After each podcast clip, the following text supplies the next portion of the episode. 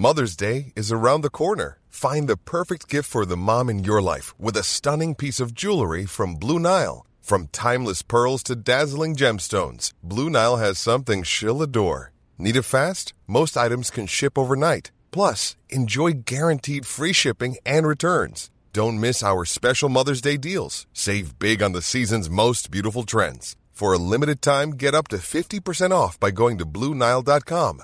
That's BlueNile.com.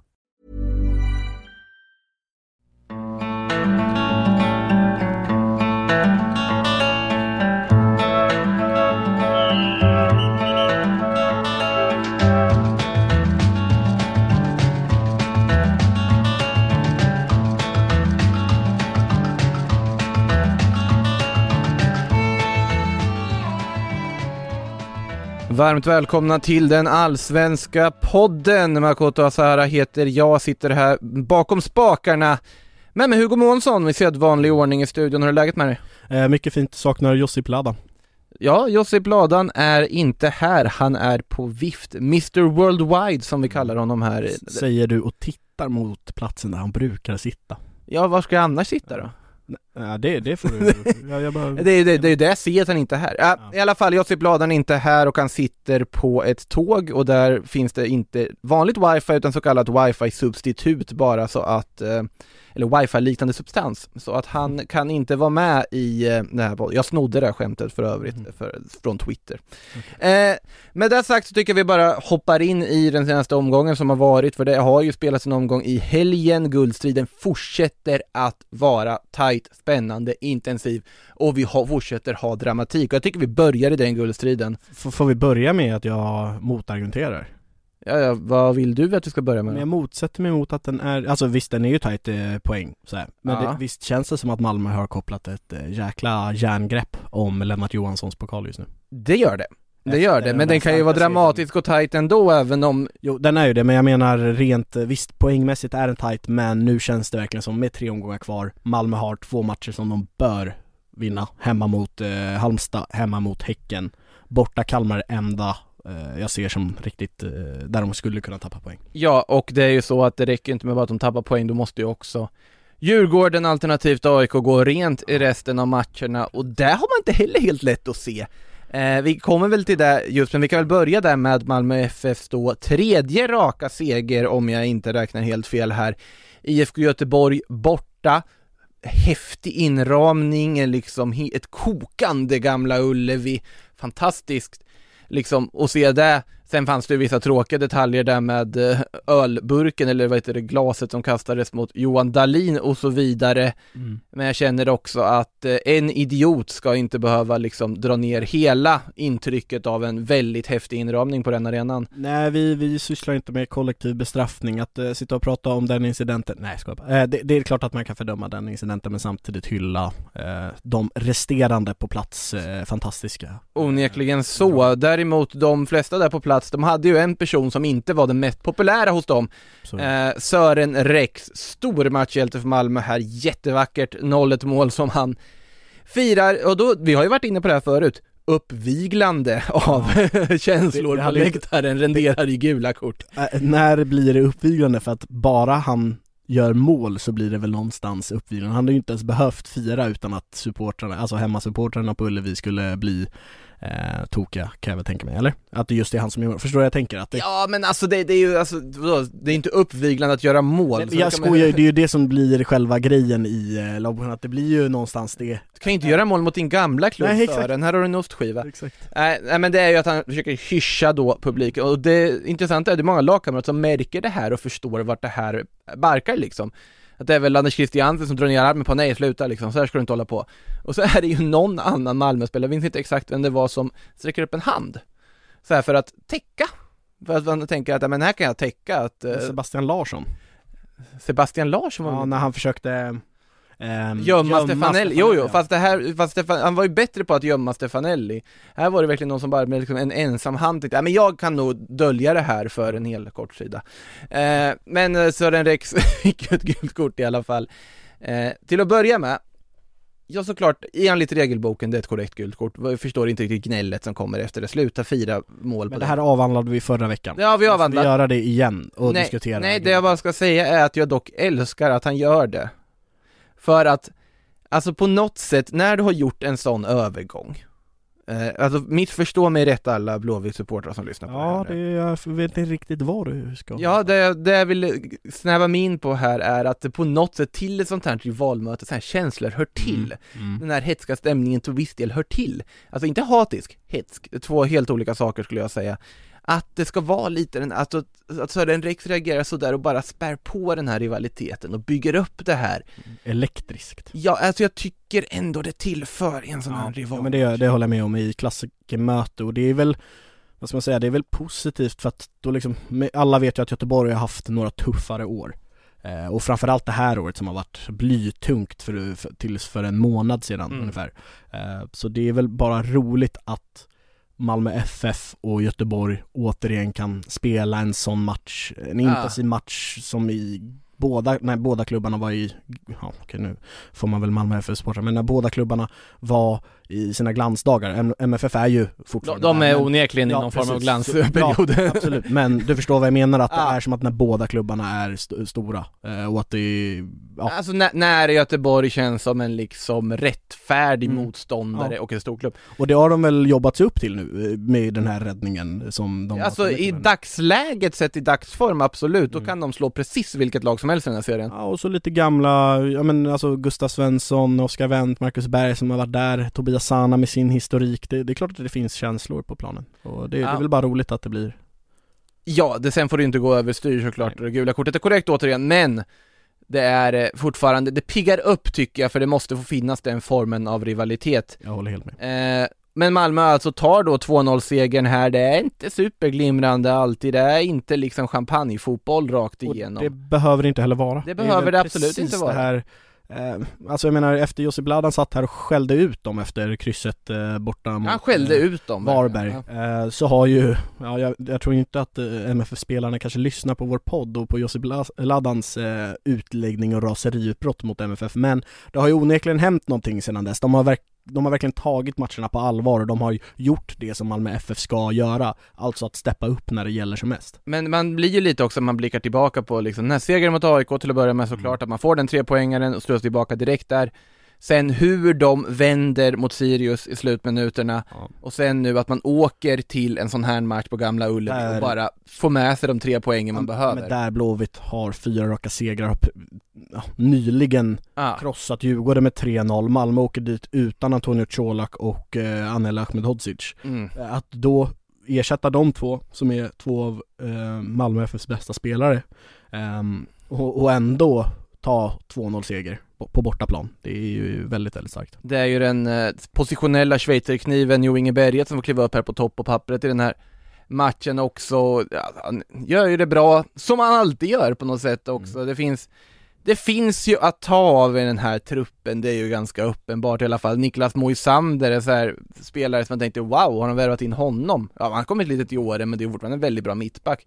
Han Lasse Nielsen kliver in och gör ett uh, utomordentligt jobb. Det, det kan man säga om hela den trebackslinjen med Erik Larsson där också som verkligen funkat bra i den rollen också. Och det kommer ju inte som en överraskning om man Nej. kollar på Malmö under Uwe Rösler, eller Ove Rösler, eh, när Erik Larsson spelar som höger mittback. Eh, Mm. Den där, va, vad var det, Sheffield-inspirerade rollen. Sheffield Ja men med, med inspirerad. offensi- en offensiv mittback, om man spelar en trebackslinje, där Ah. eh, den ja, höger eller vänster mittbacken då kommer på överlappningar och ger understöd till ytterbacken snarare än att bara vara en statisk mittback. Eh, och där är ju Erik Larsson eh, jättebra. Man Ja. behöver ju inte alltid vara så lång för att eh, behärska mittbacksuppdraget bra. Nej i alla fall inte en trebackslinje, där kan det snarare vara liksom positivt att ha en sån spelare, lite som Linus Wahlqvist också som Alaba. Alaba ja, fast han är aldrig en Nej, trebackslinje, är sånt, sånt stysslar man inte med på Santiago Bernabéu. Eh, eh, Inte heller i Bayern München ska väl sägas. Men ja, Malmö som sagt vinner, ska nämna några ord om IFK Göteborg också, gjorde det. Simon Tern får kliva in här från start, ett eh, något oväntat drag kanske att man kastar in honom. Du ser lite tveksam ut där, men oavsett, man har också en bredd i, även i Göteborg.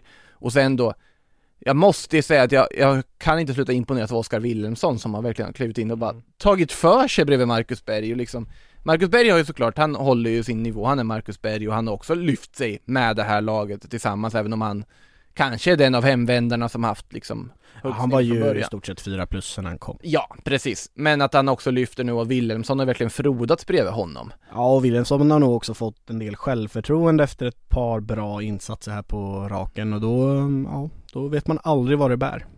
Nej, den här gången bar det dock inte till mer än en 0-2 förlust, men IFK Göteborg kan i alla fall känna att det här allra mest alarmerande läget, det är inte så alarmerande mer för det är sex poäng ner till det där kvalstrecket nu och IFK Göteborg kommer att klara det här kontraktet om inte någonting väldigt, väldigt oförutsett inträffar i slutomgångarna.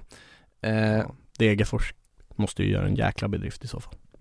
Ja, det är ju inte bara Degerfors som måste göra någonting om Göteborg ska hamna där om vi säger så. Nej, Blåvitt måste ju torska i stort sett alla matcher och Degerfors ja, måste ju vinna. Eh. Ja, och sen ska det ju att Halmstad, Mjällby och Sirius har tillräckligt många poäng också för att passera om Göteborg. Det är inte heller säkert. Nej, det är sant. Eh, så att det är ju en hel del lag också, det ska man inte underskatta just mängden lag och inte bara mängden poäng. I alla fall en sån här jämn tabell. Eh, men MFF alltså allt jämnt i topp 54 poäng leder de serien med en poäng bakom ligger Djurgården mm. som, ja hur såg det egentligen ut där? Det var inte den roligaste matchen man sett på plats Det känns inte som när man ser resultatet liksom, om säger så. Nej, jag var ju även på uh, Djurgårdens match mot Örebro, uh, borta på Bern, uh, helgen innan. Och det var ganska, ja det påminde om varandra. Uh, Förvisso resultatet är ju exakt detsamma men uh, två raka 1-0 segrar men, men det är ju inte den där glimrande fartfyllda fotbollen eh, som man kanske fick se i våras hos Djurgården. Eh, där anfallsspelet bara flyter på och, och ja men man, ja Aslak Wittry är väl en stor del av det hela också men, men det finns väl inte riktigt samma självförtroende där. Det är väl Magnus Eriksson som fortsatt håller en väldigt hög nivå och, mm. och kommer med sina fina inlägg. Uh, nu kommer jag knappt ens ihåg hur Djurgårdens mål såg ut. Jo, um, det var ju... Ja, det var Edvard Chilufya som gjorde det i alla fall. Precis, just det, just det. Ja, på bortre stolpen ja. De, de gör så få mål att man glömmer bort dem, de, de, de gör, lite så här. Mm. Eh. Ja, men han rakade väl in den och, och jag vill Båda lagen gör ju en stabil insats, men första halvlek tycker jag ju att Halmstad är snäppet vassare faktiskt. Halmstad har ju ett gäng bra, faktiskt bra lägen. Eh, Medan Djurgården har väldiga problem att omställa sitt bollinnehav till chanser. Och det är väl just eh, det tuffa i att möta Halmstad som ligger så kompakt, som är så duktiga, har den där rutinen, har den där kvaliteten i mittlåset i Josef Baff och, Andreas Johansson. Ehm, och eh, de säger ju det själva, både Djurgården och Halmstad efter matchen att Djurgården hade ju egentligen bara ett stort läge och det gör man ju mål på. Ja, och det räcker ju.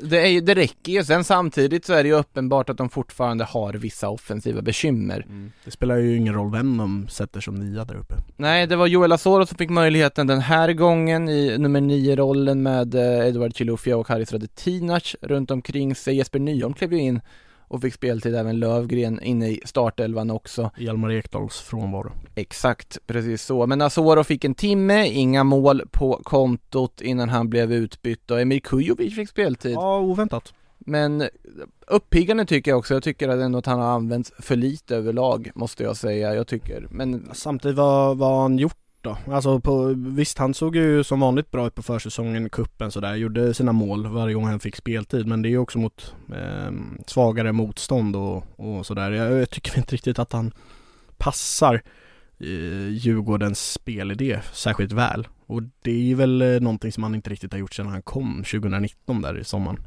Ja fast det är en, det är en anfallare som ändå liksom kan om man får ett bra läge så brukar ja, det, det är inte det jag menar, för att ja. är han bra på en sak som en anfallare, alltså att uh, trycka dit bollen när den kommer i straffområdet, ja det, det, är han absolut. Det, det är ju en, eh, en bra allsvensk anfallare, eh, vad ska man säga, en anfallare av bra kaliber eh, mm. på just det. Men sen så saknar han ju djupledshotet. Eh, Djurgården vill gärna variera sitt anfallsspel, komma in både bakom, spela mellan linjer och eh, bakom eh, försvaret och slå inlägg och så vidare. Och han är ju jättebra just i inläggsspelet men sen pressspelet Alltså där är det ju, där saknar man ju en gubbe i stort sett om, om eh, Emil Kujovic. Ja, det, det, han, den han, han sätter ju inte skräck på, på motståndarnas backlinje när de har bollen och rullar runt eh, i att han jagar, men han är ju jättebra på, på andra så, eh, sätt, så att han skulle ju passa bättre i kanske, ja men låt oss säga Varberg då, som spelar mer renodlat inläggsspel. Ja, alltså jag, det, det har ju varit en diskussionsfråga det här med Djurgårdens nummer 9-roll, vem som Mm. egentligen ska ha den i och med att Joel Asoro har inte kommit igång med målskyttet, Kalle Holmberg har inte kommit igång med målskyttet, Emir Kujovic har varken kommit igång med speltid eller målskytte. Men alltså jag, min känsla jag får är att de här tre ser jag som ganska likvärdiga. Alltså i kvalitet. Sen, sen såklart Joel Asoro har en helt annan potential, en helt annan höjd som kan hittas. Men ungefär hierarkiskt i den konkurrenssituationen så är det ganska ohierarkiskt, att de är ganska likvärdiga, tycker Jag jag. tycker väl Edvard Chilufya sticker ut. Ja men Chilufya, om vi utgår från att Chilufya inte ska användas som nia utan som ytter. Om vi börjar ja, där. såklart. vi Jaha, börjar- men du menar Kalle Holmberg, eh, Miro och eh, Joel Asoro då alltså? Ja, precis.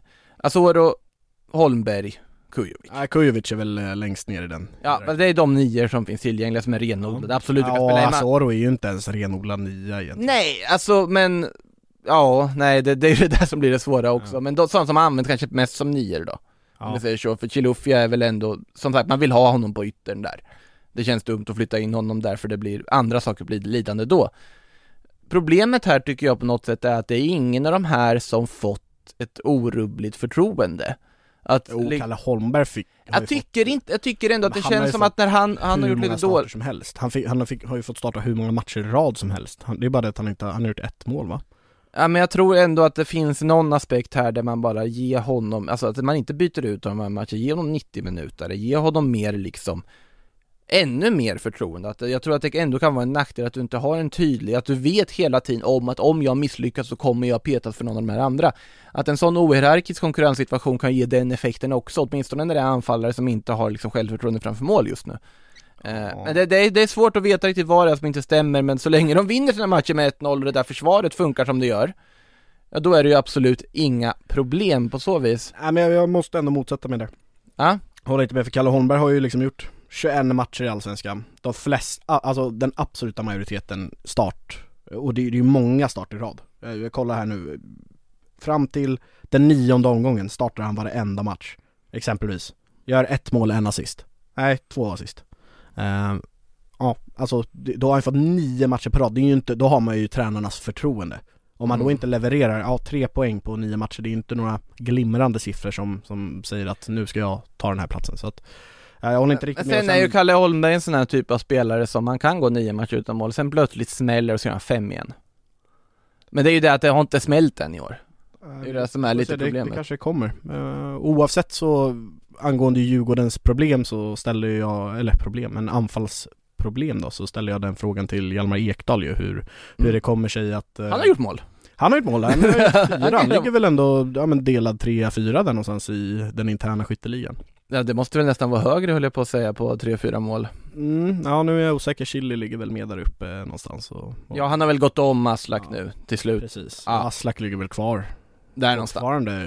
Ja, han kan inte ha gjort fler mål sen, Nej, nej, sen han flyttade i alla fall. Eh, nej men eh, jag ställer den frågan i alla fall, Ja. hur, hur, liksom, hur det kommer sig och varför Djurgården ser, eh, alltså va- varför de var så, varför flöt på så bra och man kunde vinna med tre, fyra bollar under vårsäsongen till att det nu är, vad man ska säga, i, mer impotent där framme. Ja, och det var så här han svarade. Det är väl lite skillnad, absolut. Vi, vi själva har väl känt att det är den här friheten och den eh, energifulla, energifulla anfallsfotbollen kanske inte riktigt har suttit där lika glasklart som den har gjort i, i våras, som den gjorde i våras. Ehm, jag skulle fortfarande säga att vi har den. Eh, det, det som klaffade då var jäkligt, eh, ja, att vi var frediga och att det var, vi hade mycket liksom, hur ska man uttrycka det? Alltså inte flyt som i tur utan flyt Ja men eh, precis, det vi hade flyter ett på. jävla flyt i spelet. Ja. Allt flöt på, det var självklart för alla vad man gjorde, vad vi skulle göra och, och med det så sitter bollarna. Det blir liksom, det, det blir en god, eh, en god cirkel liksom och ett, ett tåg som börjar rulla på. Eh, utan att vi egentligen an, liksom, tänker på det så mycket. Eh, sen nu i paus så har det väl stått, inte stått stilla, men jag har varit lite trögare och eh, inte haft samma flyt då.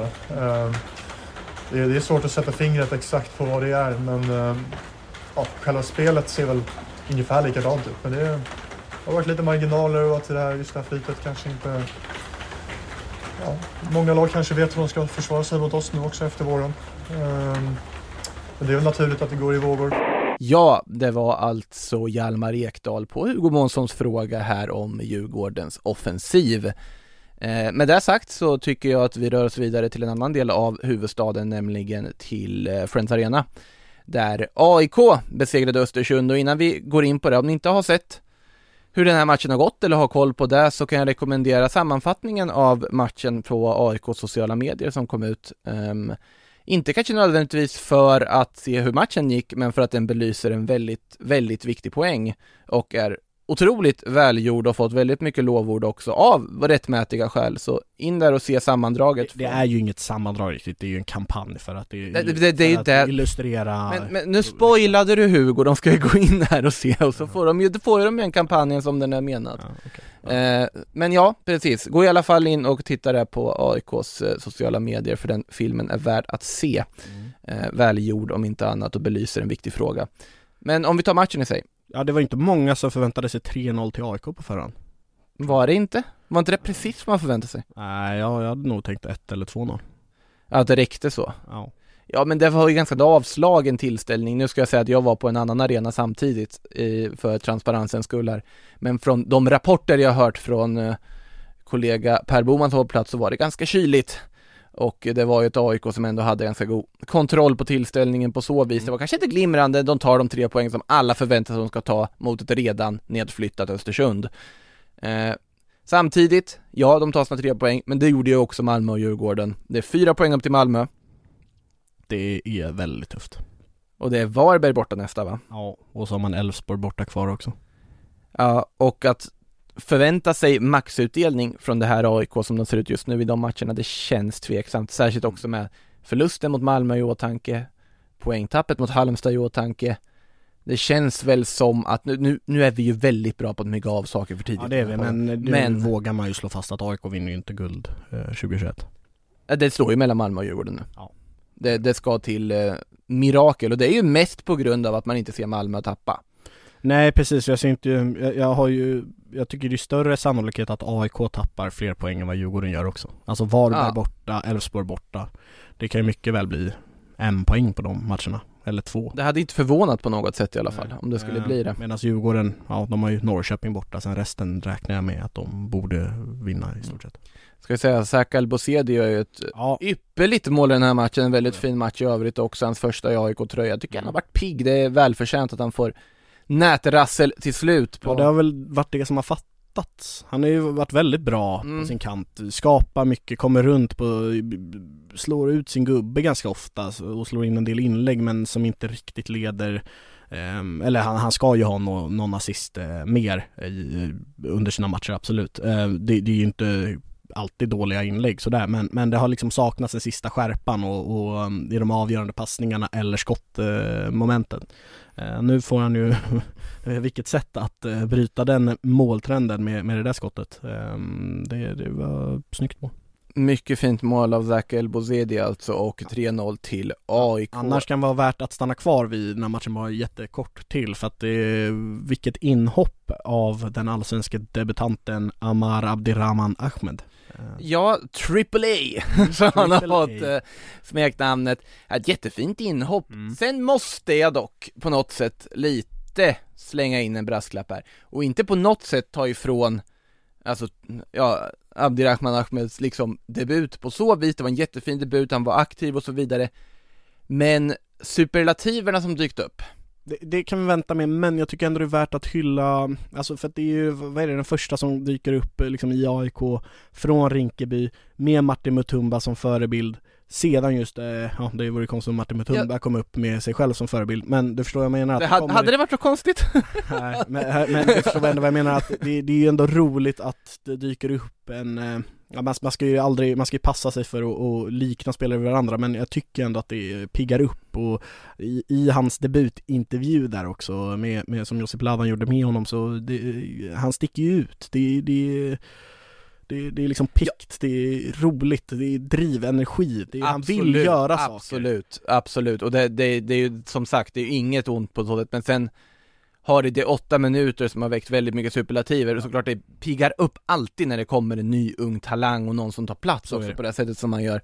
Ja, det är väl just det som sticker ut. Att, Det är väl att det. han tar plats och att han, Mm. man ser när han hoppar in, även fotbollsmässigt ska sägas, men utan Ja. att vi behöver gå in på att det är en supertalang, för det är för tidigt att säga, men han gör ju ett fint inhopp, dribblar Absolut. mycket, tvekar inte på att gå en mot en mot, mot sin försvarare, det, det är jävligt roligt. Ja, nej, en shout-out till AAA för eh, inhoppet där, mycket Mm. fint i AIK, bra att du tog upp det. Innan jag rör mig till ännu en del av huvudstaden, ja vi ska till andra delar av landet också såklart, och det, ni kan vara lugna, vi är ju, ja precis, det är där vi kallas på Aftonbladet. Eh, det, det, var, det var Hammarby som spelade mot Örebro i alla fall, det kan vi konstatera efter att de eh, Ja, vinner med 3-2, det är, släpps ändå in mål lite hit och dit och publiken på Tele2 Arena får eh, liksom slitas mellan förtvivlan och glädje, i alla fall de grönvita hemmafansen slutar med att Gustav Ludvigsson då skjuter en 3-2 seger till Hammarby. Tränare Milos Milojevic konstaterade i alla fall efter matchen att ja, det är Bayern sa han. Eh, man gillar det inte som tränare, det gör man inte alltid, men ja, publiken får en show i alla fall och även Astrid Selmani tillbaka från huvudskadan, kul att se honom på plan igen. Men är det inte så typiskt eh, Hammarby? Jag, jag såg för, eh, matchen och, och jag ser första halvlek där Hammarby radar upp bra chanser. Eh, man, man går ju och väntar på att 1-0 ska komma. Eh, Mm. Men istället så är det ett inlägg som Björn Paulsen väldigt vackert. ja, väldigt otroligt, vackert. ja, Eh, knä är eh, otroligt fint. Otroligt snyggt in i första krysset, Mm. stenhårt bakom Oliver Dovin. Ehm, men är inte det väldigt typiskt? Jo, jo absolut. Det, det ser lugnt, eh, behärskat, de har inte behövt eh, riktigt eh, eh, oroa sig någonting och, och så kommer ett inlägg på måfå som Björn Paulsson bara ska skicka iväg och så in i eget nät och så blir det lite panik precis inför eh, halvtidsvila Eh, och, och så kommer man ut och det, man ser lite tagna ut, man, han gör väl några byten där också, in med Viljot Svedberg istället för Bojanic Det var ju dock och, framtvingade byten Ja. i och med att Arjan Bojanic hade en känning, han hade lite ont därefter också, får se hur det är med honom. Nu är det ju ett landslagsuppehåll som är passande för det. och så Jeppe Andersen mittback va? Ja, han fick kliva in där i mittlåset, Rickard Magyar som också hade känningar och fick lämna planen i förtid, så det var ju faktiskt två byten han tvingades till i Okej. alla fall, Milos Milojevic. Ehm, Ja men man såg lite tagna ut på sängen där, att det, det var ett psy- psykologiskt jobbigt mål att släppa in. Men sen så tar man sig ändå tillbaka och, ja, och sen när man tror att Hammarby, när de får in det där 1-1 mål, då tänker man att, ja nu, nu kommer de ju vinna med 3-1 typ. Eh, Simon Sandbergs första mål i Hammarbytröjan, och det, det tog ett tag. Andra i Allsvenskan också totalt tror jag. Om Han, han, han är inte den mest notoriska målskytten, den gode Nej. högerbacken. Sen gör han ju, passar in på att göra en assist till Akin Kumiamo därefter också, som var ett 2-2 assist, för att då hade ju Nahir Besara fått stå helt ensam i straffområdet och eh, placera, bredsideplacera in eh, 2-1 i Örebro.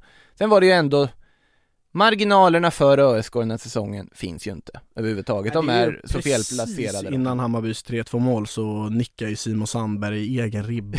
Eh, Alltså den nicken ser Ja. så otroligt medveten ut. ja, har du sett det på repriserna? Jag Ja, alltså, det ser så otroligt medveten ut. Jag tror inte att Simon Sandberg ville göra självmål, absolut Nej inte. inte jag heller men det ser verkligen så konstigt ut för han verkligen riktar ja, det, alltså, det är riktigt bra nick. Ja det är Det Nå, någon, en decimeter lägre och så hade det varit ett väldigt, Ja, väldigt och om det där var meningen så är det årets rensning, alla kategorier, att licka in en egen ribba och sen iscensätta en kontring på det som Ja. leder till 3-2. Fantastiskt underlig sekvens, men också en sekvens som på något sätt sammanfattar Örebro Sportklubbs 2021. För att Alltså även om det finns saker att säga om Hammarby i det här fallet så är det ju så att den här matchen primärt var matchen där Örebro SK matematiskt, teoretiskt, spirituellt, allt vad du vill kalla det, får tacka för sig i Allsvenskan och Superettan väntar med all säkerhet nästa säsong. Och såklart, det var ju det var ju inte liksom, det kom ju inte bara från liksom ingenting det här. Alla hade redan vetat att det var ett väldigt svårt läge. Sen hade man ändå haft inställningen att ja, vi ska ändå kämpa så länge det finns en teoretisk möjlighet. Nu försvann den möjligheten. Och jag tycker man märker också efter, Nordin Gerzic fanns inte med i matchtruppen här på grund av att han var tillbaka precis från en förkylning, inte hunnit träna, inte redo att spela. Eh, jag kände det själv också efter, men han var ju på plats med laget. Var väldigt värmande att se tyckte jag när spelarna faktiskt ändå gick bort till fansen efter matchen och fansen faktiskt applåderar dem också för den insatsen de ändå gör, att de står upp för laget och försöker, som de ändå gör i den här matchen. Eh, sen är det ju säsongen som helhet som bara helt enkelt inte håller. Det, Ja, men det är ju ett fiasko Såklart ett fiasko. Med en klubb av ehm, Östersunds storlek, alltså de ska ju inte vara Örebros där storlek. Ja vad sa jag? Östersunds Ja, storlek. oj, ytterst En freudiansk Ja. felsägning. Ja. Eh, nej men man blir ju så lurad där när båda ö-lagen ligger där nere eh, Ja, eh, Men ja, ursäkta min felsägning Men när Örebro ligger där nere och eh, det är ju en klubb som ska vara Ja inte uppe bland de eh, större klubbarna kanske men de ska ju vara precis där i mitten av tabellen Alltså vi nia men grejen här är att ambitionen var ju att Ja den, bli mer Jo, än det. det är klart man ska ha den ambitionen men ja, det, det är väl kanske lite för kortsiktigt eh, tänkt Ja men alltså ambitionen var ju väldigt tydlig inför säsongen att nu ska vi lyfta ett steg. För det som har varit liksom signi- signifikativt för Örebro de senaste säsongerna har ju varit att de haft en period av en säsong som varit fullkomligt katastrofal och sen en helt fantastisk period Mm. av säsongen. Att om det så har varit en dålig vår som följs av en bra höst Ja. eller om det har varit en bättre vår som följs av en sämre höst. Att Örebro har varit liksom ett formmässigt jojo-lag inom liksom det allsvenska mittenskiktet. Men att man nu också, det finns potential, vi kan vara bra en hel säsong. Se vad det skulle kunna leda. Nu var man istället dålig en hel säsong och fick den liksom kontinuiteten på fel sätt istället. Man hinner avverka tre tränare under en säsong. Det är Axel Ja. Kjell som inleder som Inleder. tränare, kliver av, kliver av, blir in fotbollschef. med Vitor Gasimba Precis, och sen Marcus Lantz på det. Ja. Ställde, Han har ju ett kryss och fyra förluster sedan han tog över tror jag Men det känns inte omöjligt att det finns en fortsättning där, i alla fall Marcus Lantz själv, för det är ju ett korttidskontrakt. Han var ju inne verkligen som en brandsläckare. De plockade in honom för att rädda det här. Och jag vet att jag ställde frågan till honom på presskonferensen om han själv kan tänka sig fortsätta i Örebro. Och då sa han det att han liksom har varit väldigt väl bemött de här fyra veckorna, att han väldigt trivs väldigt bra, men att det är såklart det styrelsens beslut, eller liksom sportsliga ledningens beslut, men att han finns till förfogande och att han skulle fundera på det ifall han faktiskt skulle få frågan.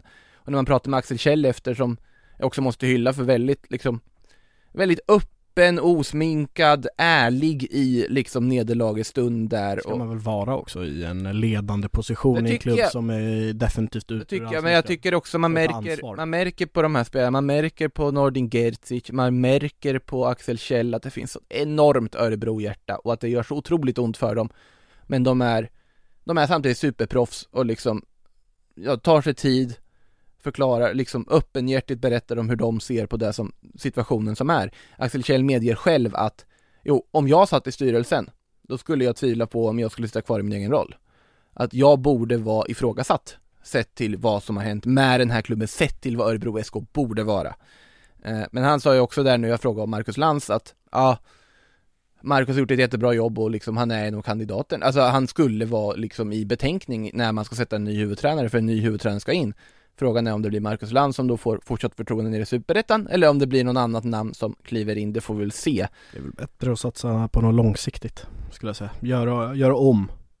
Riva av pappret. Gör börja om, gör rätt, Ja, som man brukar precis säga. så. Mer, eh, lyckas man behålla sina, ja men Bergmark tycker jag är ju bra, ung, eh, talangfull mittback, eh, Kolander, fin framtid till mötes, eh, Jake Larsson, det är ju klubbar som rycker i båda de där eh, och, Mm. och så vidare, men man har ju liksom spelarmaterial Ehm, man, man kanske ska släppa det äldre gardet, alltså de där hög, eh, om man ska säga de, de högprofilerade, alltså som Hamad, som Besara, okej Besara är ju, han har ju ändå varit där eh, Det finns ju, kruxet här är väl lite också att, nej för det, den frågan ställdes också till ja, just jo, jag vet, jag läste det också, men, men jag tycker att man ska liksom satsa på sina egna talanger, ta- bygga upp något nytt nu. Det, det är liksom, nu har man sett Nordin Gerzic, Besara, Hamad, ja okej Hamad är väl hans första sejour i ÖSK-tröjan, men, men du förstår vad jag menar, att kör på något nytt, bygga upp eh, Örebro långsiktigt, ta upp dem i Allsvenskan så är de redo när de väl går upp igen.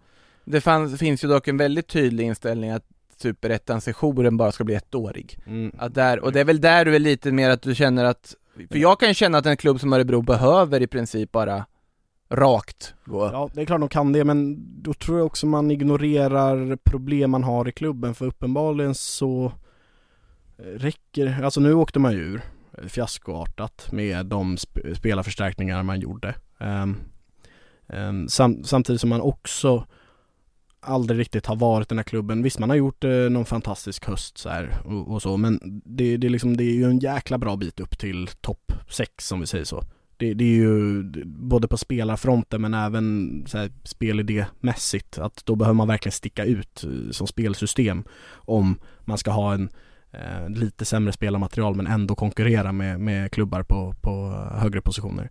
Eh, så jag tycker att de, visst förstår jag och det, det vore ju dumt att inte sikta på att gå upp direkt men kanske att man skulle acceptera ett eller två mellanår genom att satsa på en ung tränare med nya idéer, med något långsiktigt och samtidigt bygga upp, låta talangerna få flera år på sig och så när man kommer upp till Allsvenskan då kommer man upp med ett färdigt spelsystem med bättre spelare än vad man hade när man åkte ur och så är man redo och då kanske ja, därefter fortsätta bygga på det. Förstår jag menar? Jag förstår precis vad du menar, men jag tror att faran för en klubb som Örebro som ändå hör hemma i en allsvenska, att liksom vad de åren om det nu skulle bli år i plural i superettan, mm. vad de skulle göra för klubbens ekonomi, vad de skulle göra för klubbens status i staden. Fast och det finns skräck, det finns, nej men alltså inte att de skulle bli liksom Alltså i, i, i, vad heter det, i kappsprungna av fårvar eller någonting, det är inte det jag säger. Men jag menar, menar liksom att man, det finns ju skräckexempel.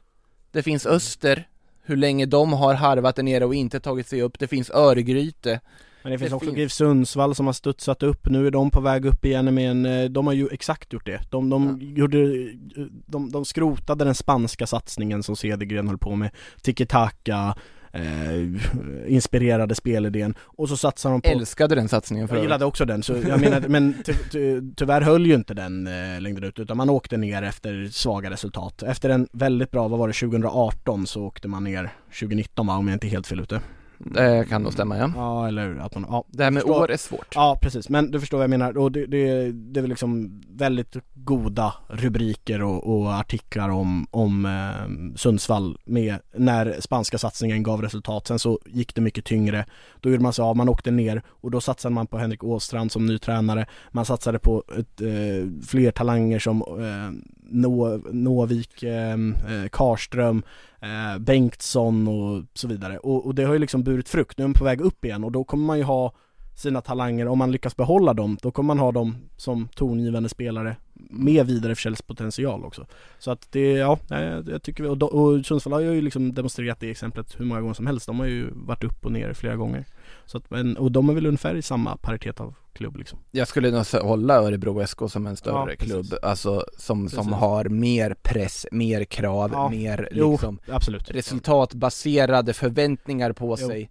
Sett till också att staden, staden liksom laget, alltså det, det finns det någonting jag. där. Det köper jag, men Och där, ja. Jag tror att det är inte acceptabelt ur ett Örebro-perspektiv att ha en inställning att det får vara tre år i superettan. Det måste på något, det finns inget annat än att vi ska upp direkt. Sen är frågan, hur gör man det här på smarta sätt? Att man gör en liksom ungdomlig satsning rakt av. Det förväntar jag mig att man på något sätt har en tanke att göra, för nu måste jag ha någon form av framtid. Sen... Jag vill inte bara vara ung, ungdomlig satsning, men kanske värva mer spelare på, alltså scouting, eh, att man, att man hittar guldkorn i division 1 och andra klubbar i superettan än att man tar spelare av kaliber som Hamad och Besara liksom. Ja, sen, sen är det så här nu, det intressanta är ju också att Jiloan Hamad har ett liksom tre år kvar på mm. sitt avtal. Då är det ganska tydligt, när du skriver ett avtal så pass långt med en sån spelare under mitten av säsongen, då har du inställningen, vi kommer inte åka ner i Superettan. Nej så är, så är det. Det är ju inte en spelare du kontrakterar tre år till Superettan. Sen vet ju verkligen inte vad det finns för klausuler med i det avtalet. Det skulle det. inte förvåna ifall han sitter på någon ganska billig utköpsklausul. Så kan det mycket Eller någon vara. att om de åker ut så kan han bryta kontraktet om han vill. Det finns ju hur många så, Sådana klausuler existerar också naturligtvis. Så att eh, vi får väl se vad det, vad det leder till. Nu kommer ju det där arbetet påbörjas för dem. Sen har de ju tre omgångar kvar att spela också. Och det är ju tre omgångar kvar då av allsvenskan totalt sett och vi kan väl ta oss vidare då till eh, den strid som lever, ja förutom guldstriden då. Mm. Det vill säga striden kring kvalstrecket. Degerfors är där just nu, tuff omgång för dem. Mm. Får man ju säga, förlust borta mot BK Häcken 2-0. Eh, vad finns det att säga om det egentligen? Häcken, ja Wålemark är... Eh, han är bra. Oh, ja, det är ju minst sagt. Han är ju väl eh, seriens formstarkaste spelare just nu. I alla fall poängmässigt. Har ju öst in mål och assister nu de, vad, vad kan det vara, senaste åtta matcherna har han ju, han snittar väl, jag tror han har sju på sju matcher eller något sånt där, poäng alltså. Ja. Eh, otroligt eh, formstark. Eh, jä jäkligt kul för, för Häcken. BK Häcken som därmed distanserar sig något från den absolut liksom allvarligaste delen av streckstriden uppe nu sju poäng före Degerfors och vi kan väl konstatera att deras kontrakt också är helt säkrat. Ja det är det ju. Ja, det ska inte kunna hända något annat. Eh, vilket vi väl bara får se som något positivt liksom pa passus här i sammanhanget på en säsong som Häcken nog helst vill glömma bort ganska fort själva för att Mm. Ja, man blir inte klok på Häcken.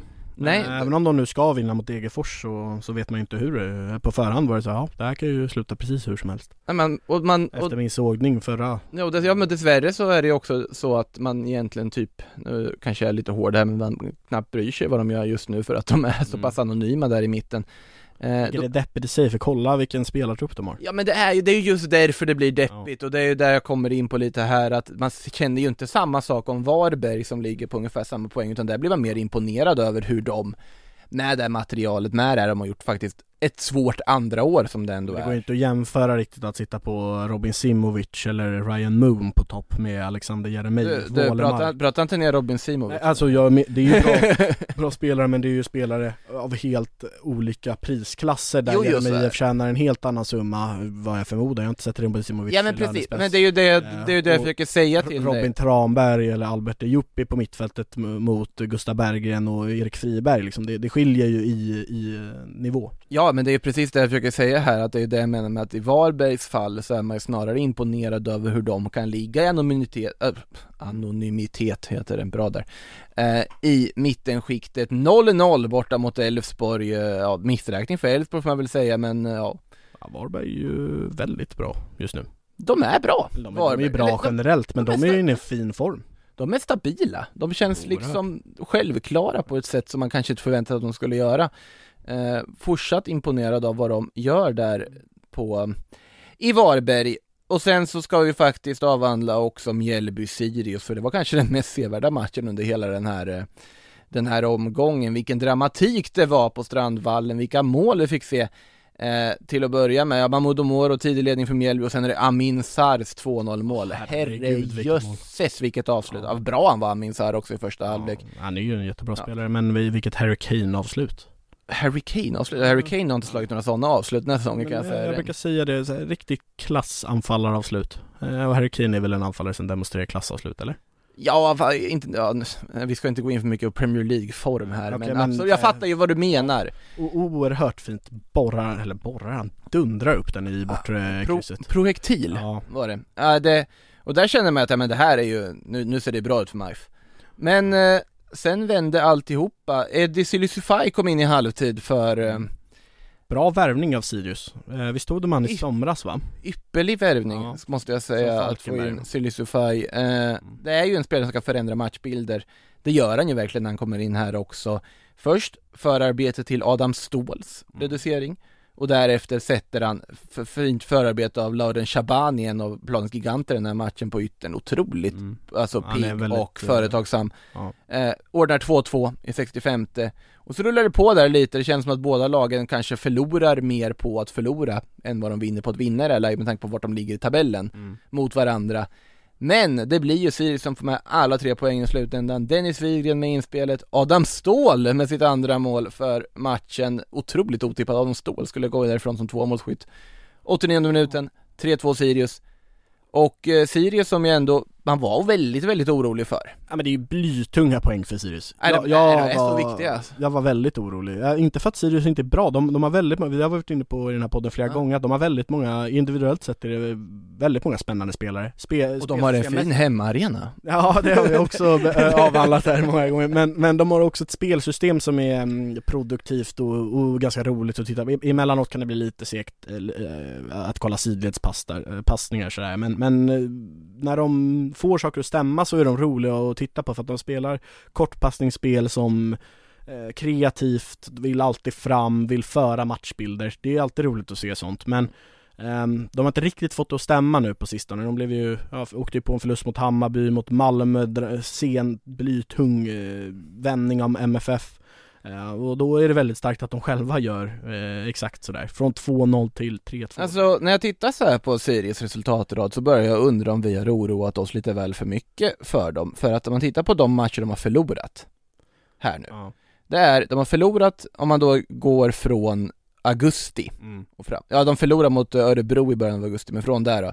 De har förlorat mot AIK, de har förlorat på Norrköping, Kalmar, Elfsborg, Hammarby, Mm. Malmö. Ja det är ju bara Det är topplag. bara topplag. Ja. Så fort det har vankats en match mot ett lag på den undre halvan, ja det är 1-1 mot Halmstad här då, men det är liksom, de slår Östersund, de slår Degerfors, de slår Varberg, de slår Mjällby nu. Ja, men det, det är väl kanske inte det, jag har aldrig tvivlat på Sirius kvaliteter utan mer att jag tycker det är så jäkla många bra lag där nere vid eh, Det är det! det, är det. Alltså, då, då menar jag det i, alltså kolla Mjällby har ju varit extremt formstarka sen Anders Torstensson tog över Ja, det är helt sanslöst att de fortfarande är inblandade Precis. i någon sorts... Ja, man, man Ja. trodde ju Sirius skulle aspirera på topp, eller jag trodde, jag ska inte dra med någon annan i mina egna galna idéer Men jag, jag tänkte i alla fall att fan nu börjar ju Mjällby närma sig så här Kalmar och så vidare men så låg Fel nästa år pratar vi om. Ja, det var väl kanske med glimten i ögat då, men Ja. eh, de, de, var, de tog sig väldigt eh, i kragen efter Anders Torstensson Ja. eh, kom in Degerfors med sin offensiv och, och har liksom Högsta mot- nivån som har finns där, vunnit mot ja. AIK och Djurgården på sin hemmaplan bland annat. Eh,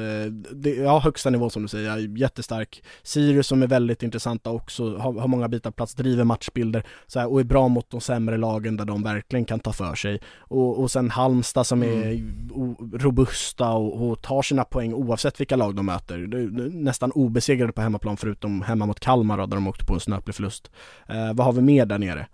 Ja, det är väl Blåvitt då som Ja men det har vi varit ja. inne på, Häcken har vi inne, varit Ja, inne på. Varberg, de är inte Ja, där något mer. Nej exakt, så det, det är ju liksom tre, fyra lag som alla, jag vill ju ha kvar alla lag av, Ja. av dem. De är alla väldigt roliga att titta på. Så sorry Helsingborg ifall det blir ni som tar kvalplatsen. De är också roliga, så det är inte stor, eh, kan, kan inte bara två lag åka, kan vi inte ta upp ett till? Då? Kan vi inte, kan vi inte utöka serien? Ja, göra en, göra en uh, argentinska ligan-grej där när River Plate höll på att åka ur? Ja. När de bestämde sig, men nej, det, det är en ganska rolig historia för övrigt hur de gjorde där, den kan dra den lite sidospår. Att eh, River Plate är en av Argentinas största klubbar, första gången de höll på att åka ur högsta divisionen så gjorde de ju om då, för att de inte skulle åka ur så gjorde de om systemet för hur man åker ur ligan. Så att de ändrade från att, ja det vanliga systemet, att de som är sist i en tabell åker ur. Mm. Så ändrade de till att nej, nu ska vi mäta poängsnittet på alla matcher de fem senaste halvårssäsongerna.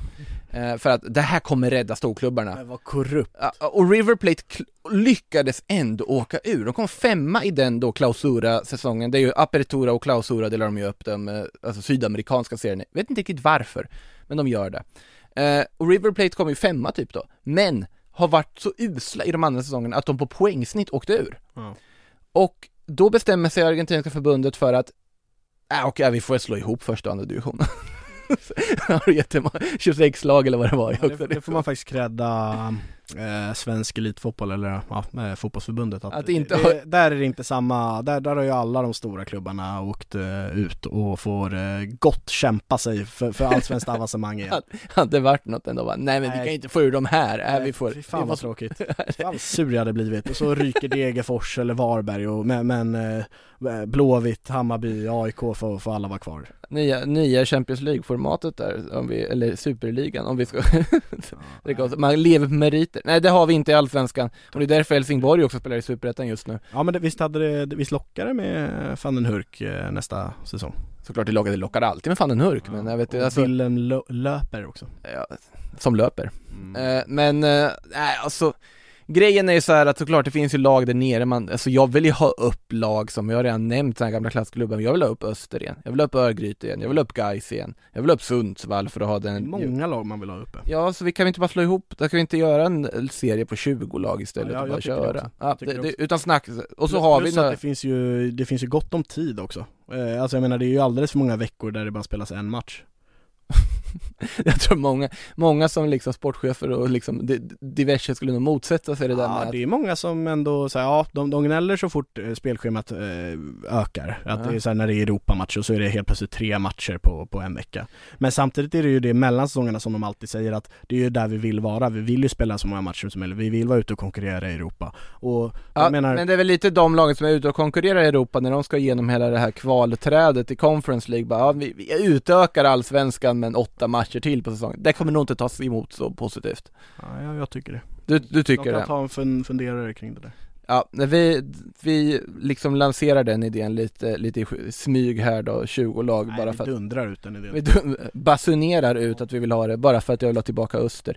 Nej, men eh, det, oavsett så kommer det vara en tuff nöt för Helsingborg eller Norrby eller vilka det nu blir att knäcka i och med att de lagen som är inblandade i kvalstriden är så pass bra. Mm. Så att eh, där tycker jag att jag ser en fördel, allsvenska laget redan på förhand här. Eh, ska bli spännande att se den kvalmatchen Men i Degerfors december. är också ganska ojämna. Och har tufft Ja men det finns en sån enormt hög högsta nivå där liksom så här en vanlig säsong när du inte har två lag som är så uppenbart mycket sämre än de andra som det har varit i år Så hade ju ett lag som Degerfors kanske liksom Ja det, det hade de ju. Mm. Eh, Den här bottenstriden, eller ja, med undantag för eh, jumbon och nästjumbon, Ja. eh, är ju oerhört tajt och alla ligger väl där, Eh, Degerfors är kvar på 28 va? Degerfors på 28, nu Ja. har de två poäng upp till Halmstad, Ja, men- tre poäng upp till Mjällby och fem poäng upp till Ja, Sirius precis, man brukar ju säga att 30 poäng brukar räcka till ett allsvenskt kontrakt. Ja det På samma sätt som att man brukar tidigare säga att 60 poäng räcker till eh, guld, eller att man, det krävs minst 60 poäng för ett allsvenskt Alltså guld. 60 poäng är vi nog ganska nära i toppstriden Ja, jo men man brukar säga att det är Ja. så att det är ju liksom undantag, eh, Fall ja. ja, undantagsfall och det, nu vet jag att det har varit så ett gäng år här nu för Djurgården vann väl 2019 på 66 poäng tror jag. Jag tror, alltså jag tror att det här 60 poäng räcker tror jag inte gäller nu för vi Nej, måste men, men man ska, för, för att konkurrera om guldet ska man upp på, på Mm. runt 60 poäng. Eh, nu, utan att vi tittar tillbaka historiskt så, så eh, Ja. jag, jag vet för att jag har hört det av massa tränare i alla fall, så jag, ta, ni får eh, höra av er till, till eh, Stefan Billeborn och, och Lagerlöf och de tränarna som har yttrat det där, men ehm, Ja, i övrigt, så jag tror att det brukar vara så. Och nu 30 poäng brukar räcka för att eh, vara kvar. Det gör det ju inte uppenbarligen, eller ja, eh, kvalplatsen då. Eh, Ja om alla bara bestämmer sig för att förlora resten av matcherna så räcker precis 30 poäng för Halmstad ja. Men det, det ska väl mycket till, att alla bara Ja. Nej, jag, Förlora jag, på. Jag har ingen aning om Degerfors faktiskt städar av Helsingborg i ett kval om det skulle vara så. Nej alltså såklart att Helsingborg har chans mot Degerfors, det är inte det jag säger men Men deras supportrar också sådär. Nej jag tror, match på Stora Valla där liksom, då kommer de att lyfta eh, Det är i alla fall min känsla, vi ska vara, vi har faktiskt inte pratat om en match den här omgången, det är Kalmar-Norrköping, det slutar 1-0, Kalmar som, Oliver Berg återigen. han är bra. Eh, Jag säger det om många spelare, men han är faktiskt bra Oliver Berg. Eh, Kalmar som spatserar förbi IFK Norrköping i tabellen då upp på sjätte plats 44 poäng, IFK Norrköping fortsatt ojämna, inte riktigt hittat rätt den här säsongen överhuvudtaget eh, Finns en del att fundera på i den klubben för Rickard Norling och kompani till nästa säsong. Tror att det behövs en del spelarförvärv då. Det kan det nog behövas i vissa positioner och dylikt, Mm. eh, om inte annat. Eh, Och sen får man väl se vilka som möjligtvis lämnar också, det är ju alltid så i en allsvensk klubb. Eh, Men eh, samtidigt på tal om att lämna och eh, liksom övergångar och så vidare så har det, finns det ju en viss vakant tränarpost borta i Norge Precis, som öppnar upp för all möjliga spekulationer. Alltså ska de, ska de ha hela allsvenskan dit eller vad? Ja, det verkar ju som att eh, önskelistan är ju bara att rada från de allsvenska toppklubbarna. Milos Milojevic, Ja, först som det dök upp igår kväll, läs eh, måndag kväll. Kim Bergstrand, Thomas Lagerlöf Ja, Såklart i paket, Ja. naturligtvis, Ja, inte, naturligtvis. inte, Nej. inte en och en det vore ingen Eh, skit mot den ena. Den Hajduk Split-sparkade Jens Gustafsson Ja, det är väl de det nämns om va?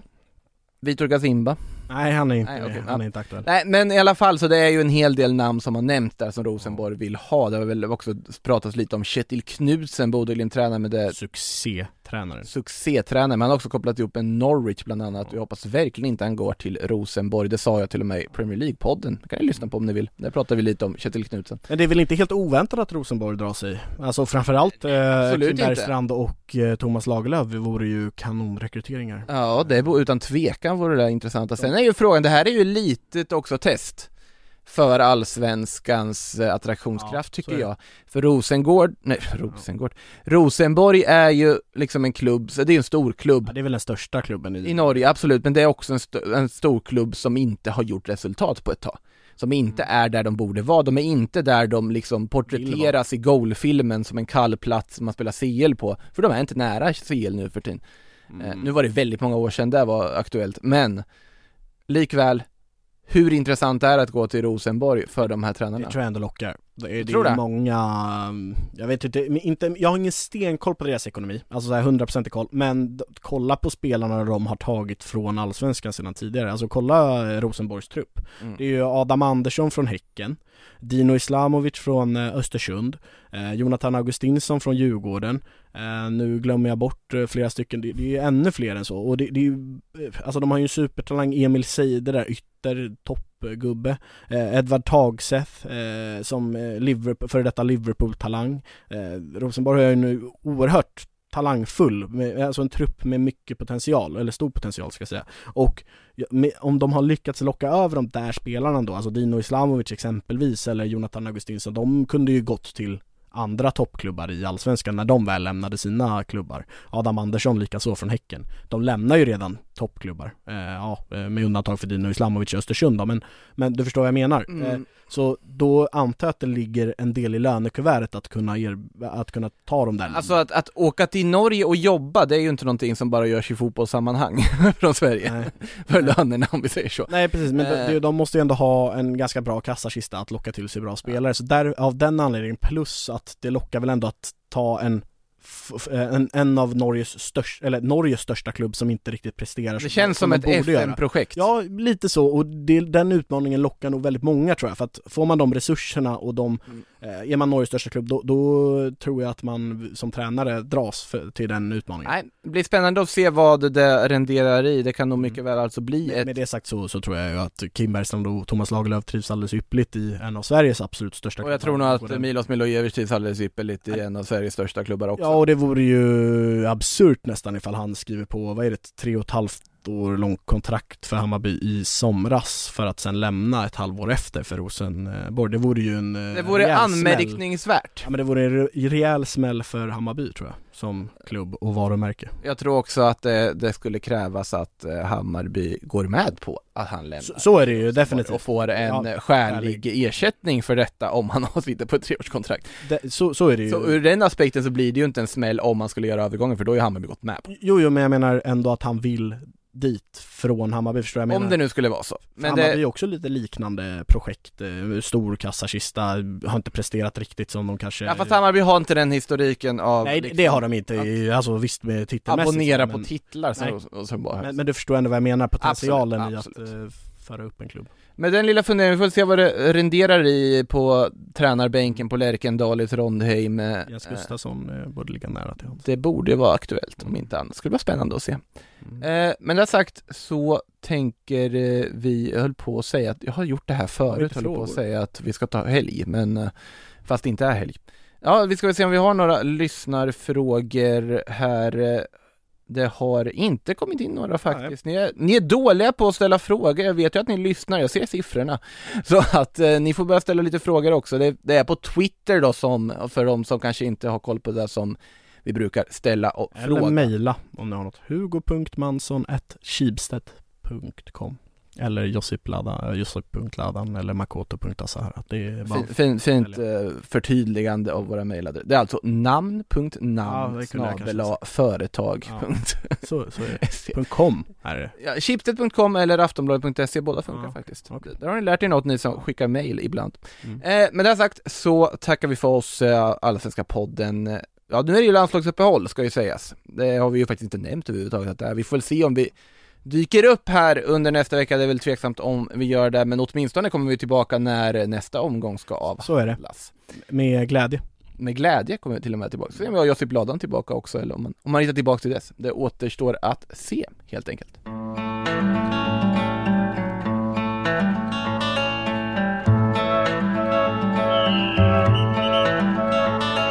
Du har lyssnat på en podcast från Aftonbladet. Ansvarig utgivare är Lena K Samuelsson.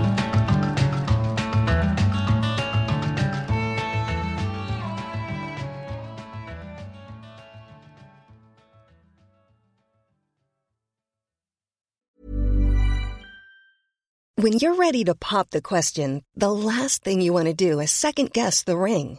At Bluenile.com, you can design a one of a kind ring with the ease and convenience of shopping online. Choose your diamond and setting. When you find the one, you'll get it delivered right to your door. Go to Bluenile.com and use promo code LISTEN to get $50 off your purchase of $500 or more. That's code LISTEN at Bluenile.com for $50 off your purchase. Bluenile.com code LISTEN.